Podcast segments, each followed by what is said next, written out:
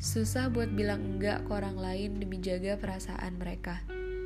Susah juga buat ngomong secara langsung tentang apa yang lagi kita rasain, dan ujung-ujungnya cuma bisa diluapin lewat omongan kayak gini. Kalau enggak ya lewat tulisan di Twitter. Entah siapa yang akan denger ini, tapi semoga kita semua baik-baik aja. Pernah nggak kalian ngerasa nggak cocok sama seseorang, tapi terlalu maksa untuk tetap bisa bersama?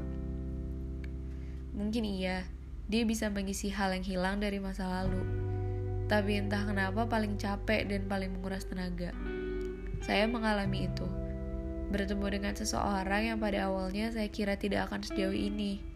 Yang pernah ada di saat saya runtuh, mengembalikan lagi kepercayaan saya bahwa semua akan baik-baik saja. Saya takut kalau saya sedang jatuh cinta kepada orang yang salah memberikan hati saya dan kepercayaan saya kepada orang yang salah.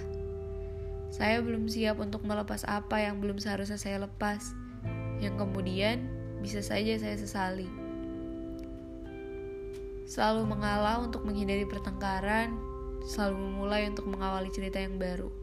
Berusaha untuk selalu ada supaya saat ia membuka matanya, saya yang ada di situ.